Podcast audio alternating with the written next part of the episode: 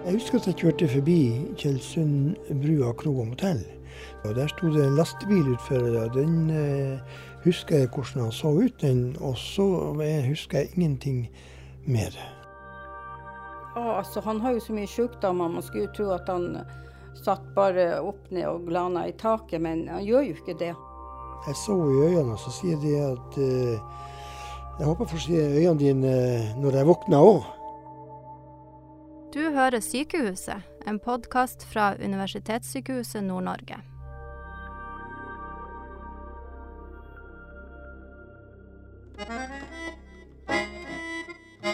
Og da prøver vi.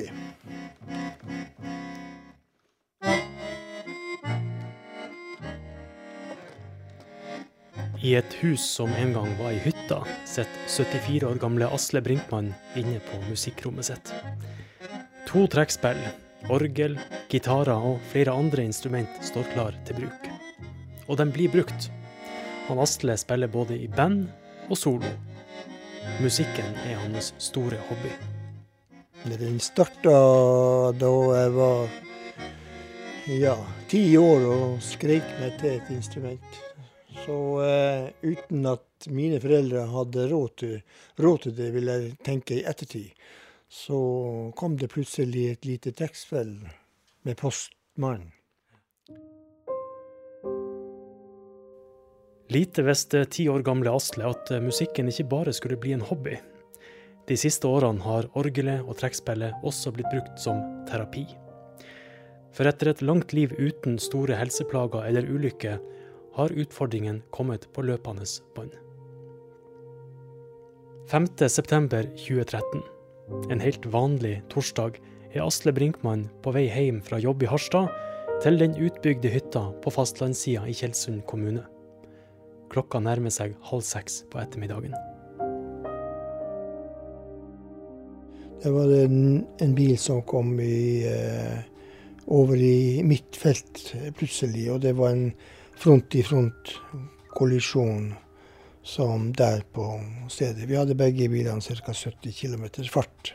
Så vi stoppa i et område av en radius på 10 meter, så var vi begge bilene innenfor det. Husker du selve ulykka? Altså, husker du smellet? Var du våken? Altså, forsvant du? Nei, jeg husker at jeg kjørte forbi Tjeldsundbrua kro og motell. Det husker jeg, det, og der sto det en lastebil utfor. og Den eh, husker jeg hvordan han så ut, den, og så husker jeg ingenting mer. Og eh, jeg klarer ikke å gjengi noen verdens ting fra ulykka, så kroppen har en egen evne til å fjerne seg fra sånt. For det neste jeg husker, det var jo at jeg var på sykehuset. Da. Så du var bevisstløs? Ja, du, du var ikke våken etter ulykka da du ble henta ut av eh, vraket? Nei, jeg var ikke våken.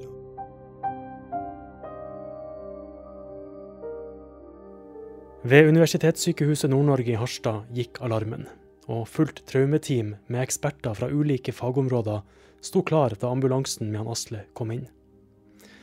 Han var hardt skadd, med til sammen tolv brudd i bein, brystregion og ansikt. Det var gått hold på milten, og han hadde brist i nakke og rygg. Men verst av alt, han hadde fått en kraftig smell i hodet, noe som skulle få dramatiske konsekvenser for han Asle i årene etter. Ja, det var Jeg mista en stor del av språket. Jeg er jo eh, Jeg jobber jo til daglig med kommunikasjon og kommunikasjonsrådgivning. Og eh, når du mister språk, slik at du er i stand til å snakke med dine nærmeste og de som er rundt deg, et, eh, og, og, få dem til å forstå hva det man sier, så var jeg jo glad for det. Men eh, jeg hadde jo ingen muligheter til å, å, snakke et språk som hadde med yrket å gjøre. Det var helt lagt vekk. Og det gikk det lang tid for at jeg skjønte at det var mulig, for på sykehuset når jeg satt der, så hadde jeg jo ikke behov for å snakke den type språk. Og når jeg kom ut, så hadde jeg syv måneder på meg til jeg kom i jobb. Og da møtte jeg problemet. Da torde jeg ikke å ringe jeg torde ikke å ringe folk generelt, og langt mine kunder og forretningsforbindelser som jeg hadde. De hadde ingen mulighet for å ringe. De, eh, det var fullstendig stopp, så hadde de hadde ringt og de hadde sagt 'hallo i andre enden', så hadde jeg ikke visst hvordan jeg skulle takle det. Og mange svar som jeg måtte gi hjemme til Liv som jeg bor lag med, og til venner og kjente rundt meg, det var svar som var barnslig eh, vokabular som egentlig eh, gjorde at eh, de forsto hva jeg sa, men eh, jeg brukte sikkert ord som de har tenkt i ettertid at hva var som feilet han. Det plaga meg veldig mye. Fordi at jeg hadde investert ganske mye penger i å bruke å bruke tre til fem år av livet mitt etter at jeg var blitt pensjonist, til eh, mitt eget firma og det som jeg skulle gjøre. Det hadde jeg brukt tida på og lagt eh, alt til rette for at det skulle skje. Og så kommer det en kollisjon i bildet som setter en, en effektiv stopper for det. En del av forhandlernettet som jeg hadde, rundt 20 stykk, det falt jo dette eh, etter hvert bort. Eh, for jeg hadde jo ingen kontakt med dem, og torde heller ikke å ta det. Tida etter ulykka var tøff. I godt voksen alder måtte han Asle lære seg mye helt på nytt igjen. Det forteller kona Liv. De fikk nå da endelig reise til Gran Canaria. Vi søkte om å få for at han skulle lære seg å gå igjen ordentlig. Vi, fikk, vi, er jo veldig glad i å danse, og vi prøvde å gå i fjellene og i trappa, og, og det hjalp på. Men eh, ordforrådet hans, den måtte jeg av og til korrigere. Men han var ikke så glad i det, da, at det kommer å korrigere. Men, men jeg måtte det, for at han lette etter ord og fant ikke. Nå har jo det kommet seg etter tre-fire år, kanskje, etter, så er det jo kommet seg ganske Så nå tror jeg ikke han har den angsten for å ta kontakt med, med kundene sine med det.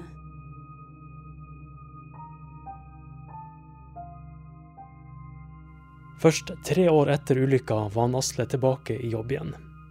Men utfordringen med helsa hadde så vidt begynt. Første kreftdiagnosen fikk jeg jo i 2019. 2019 eh, at jeg hadde prostatakreft. Og eh, det har jeg vært i MR og hatt kontroll med. Og de sier at denne kan de per nå ikke gjøre noe med.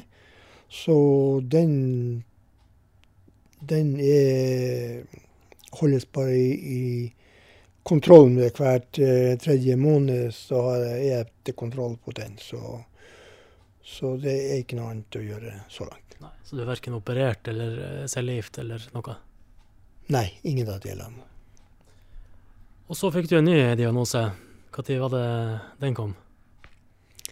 Den kom på ettersommeren, eller våren 2021. Eh, så var jeg på tur til UNN i Tromsø for å få sjekka noe. Og da eh, ringer telefonen underveis, og at eh, primærlegen min sa at det var for mange hvite blodlegemer hadde, hadde de funnet. Så når jeg var på tur til UNN, så skulle han ringe til eh, blodlegen i Tromsø. Og om jeg hadde muligheten for å sjekke det mens jeg var der. Og det fikk jeg. Og da kom han hematologen på, på sykehuset til meg og fortalte at uh, det var nok riktig. Jeg hadde for mye hvite blodlegemer, og jeg hadde egentlig en form for det de kaller for leukemi. Og det sa han at uh, den var i utgangspunktet ikke noen verdens ting å gjøre med, annet enn å følge med den og kontrollere den fremover. Ble det noen ekstreme ting så kunne de kanskje gjøre noe. Men i utgangspunktet ingenting å gjøre med. Nei da, det, det er bare sånn det er vidd. Og jeg syns jo det at, det at de har eh, tar de prøvene som gjør at de kan finne dem, og, og at jeg får bekrefta det, det setter jeg jo egentlig pris på. Det er ikke noe som man uh, klapper igjen for det. Men, uh, men, det er jo så mange som uh, i aldre som er langt under min alder, som gjør at jeg er jo heldig som har fått leve lenge uten egentlig noen ytre plager, unntatt den kollisjonen jeg hadde i 13.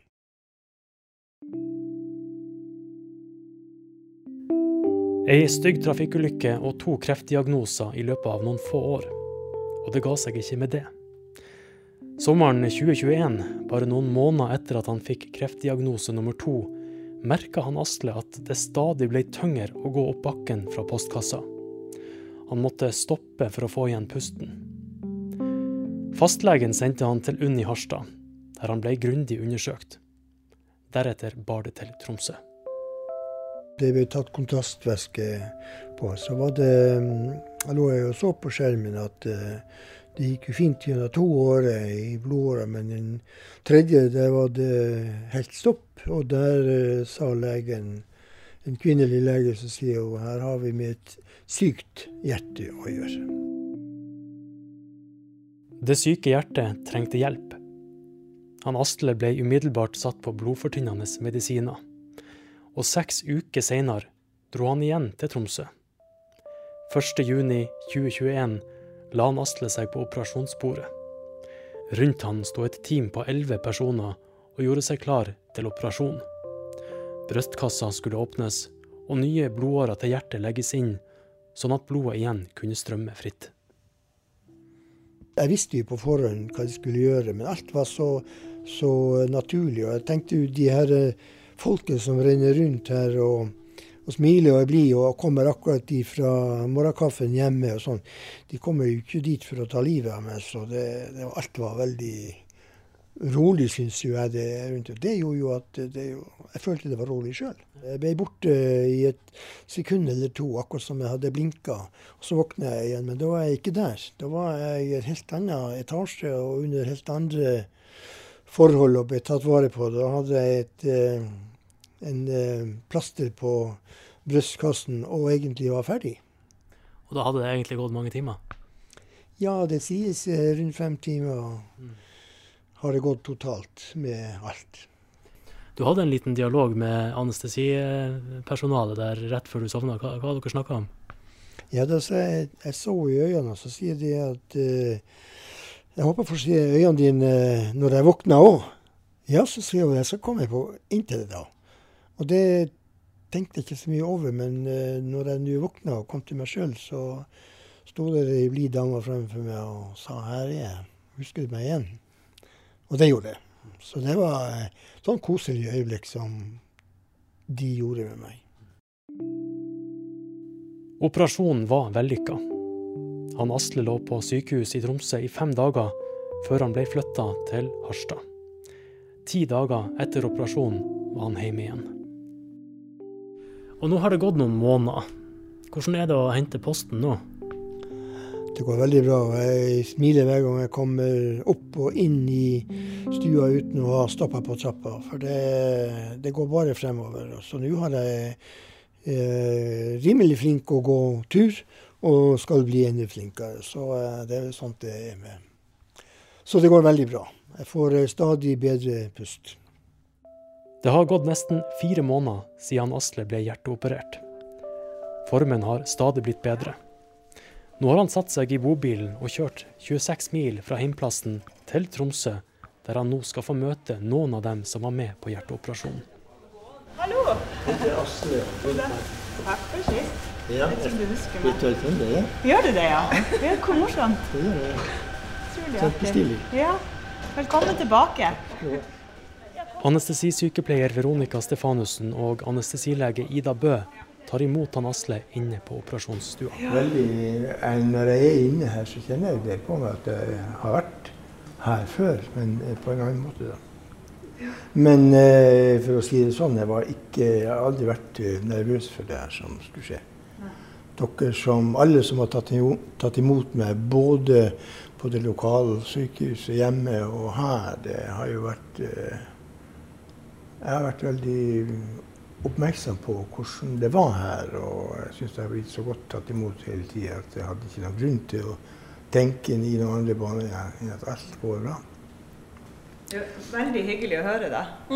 Det er jo en tillitserklæring. Vi har jo tross alt veldig liten tid med pasienten, vi som jobber sånn som vi gjør på forhånd. Vi har jo kanskje fem-ti minutter noen gang som vi kan eh, skape den tilliten og det tillitsforholdet før man liksom, pasienten må sove, da. Det er utrolig morsomt å høre. Og sett i relasjon til den tida dere har, for jeg vet at dere har veldig kort tid. Dere kommer jo ikke hit og har, et, uh, har en seanse i en time med meg for at jeg skal bli trygg og sånn. Det har dere jo ikke. Dere, dere skal jo gjøre en jobb. Og, det, og, før dere gjør den jobben, så gjør dere noen små ting som egentlig gjør at vi, den som ligger der, føler seg veldig ivaretatt. Og det klarte dere absolutt. Så når jeg sovna eller forsvant her, og da var alt OK. Vi prøver jo så, så godt vi kan at, liksom, at, du skal føle deg godt ivaretatt som pasient, selv om det er sånn for under en rutineoperasjon at du likevel skal, skal, skjønne at vi har 100% fokus på akkurat deg i dag. Og det høres ut som at vi fikk til det. Det fikk du til. Og det er jo den jobben, for når jeg sovner, så kan du ikke gå over i den profesjonelle verden og hvor dere gjør det dere skal. Da er jo ikke den, eh, da er jo ikke den oppmuntringsbiten så aktuell lenger. Men før og sånn er det veldig viktig at uh, man tar de bitte små. Det er jo ofte sånne bitte små ting som, som, du kanskje ikke tenker over, og som er egentlig det, det fine lille hintet som gjør at du blir trygg på det. her har vi da hjerte-lungemaskin som eh, vil styre sirkulasjonen i kroppen din når hjertet stanser og lungene er utslått. Så Det er den som driver blodsirkulasjonen i kroppen under en hjerteoperasjon. Er, er, er noe av mitt blod gjennom her? Ja, hele din sirkulasjon går oh. via eh, ja, Det utstyret er ikke kobla nå, da, men eh, via det her maskinen da, og slangesystemet som blir kobla opp. da. Så det går liksom ut av kroppen, sirkulerer via denne maskinen og tilbake inn i kroppen etter det er oksygenert. Og, mm. ja, og hjertet det er stoppa? Det er stoppa under en sånn operasjon. Så det har ikke levd så lenge som meg? Nei. Det kan du si. Det hadde seg en liten pause, ja. Ja, og vi håper at det har tatt seg igjen litt.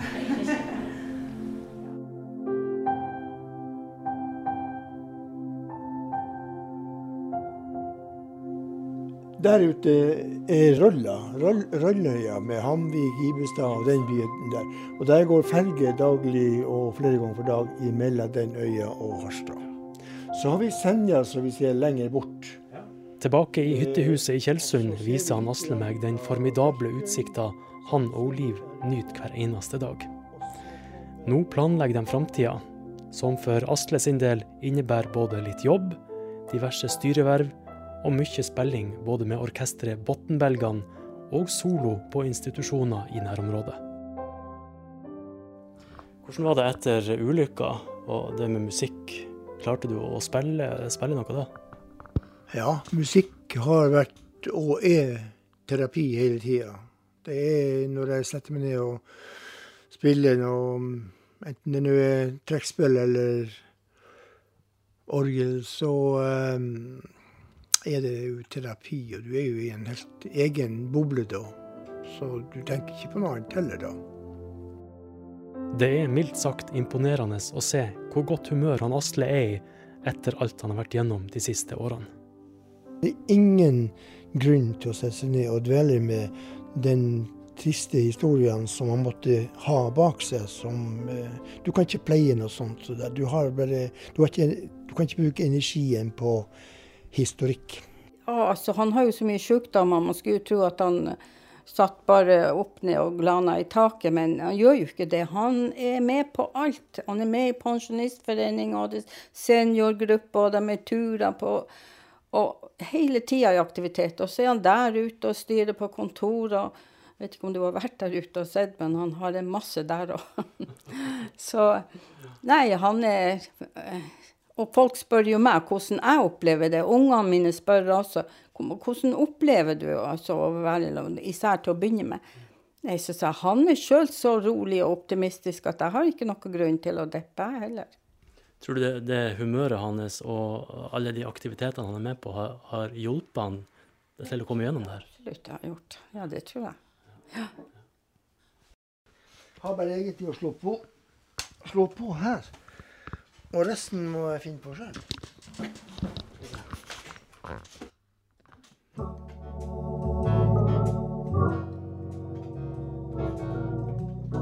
I yrkeslivet så har jeg hatt en sånn filosofi at når eh, ting går på skinner, at jeg egentlig ikke har noen utfordringer i jobben, så har jeg lyst på noe nytt. Det har jeg faktisk eh, gjennomført hele livet mitt gjennom. Så når ting går på skinner, så blir det litt kjedelig for deg? Ja. Alt som har med litt utfordringer, så du får, får gjøre noe for å løse, og du må tenke litt for å løse ting, det syns jeg er mest spennende. Så der gir, gir jo musikken meg veldig mye muligheter i dag. For der blir du aldri så god at ikke du kan gå løse noe mer. Men har du tenkt litt sånn rundt de helseutfordringene dine òg? Altså, man er jo ingen som ønsker seg kreft, selvfølgelig, men har du tenkt at ja, det er en utfordring, den, den skal jeg også takle? Ja, eh, det har jeg gjort. Og så lenge det ikke har vondt, så lenge jeg ikke har noen ting som gjør meg noe, noe vansker, så lever jeg livet som alle andre og prøver å hente det beste ut av alt.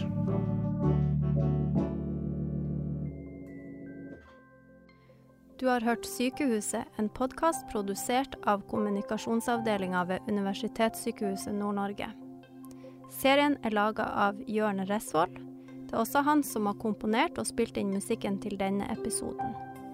Ansvarlig redaktør er Hilde Pettersen. Har du tilbakemeldinger eller tips om andre historier vi kan fortelle, ta gjerne kontakt via e-post kommunikasjon krøllalfa.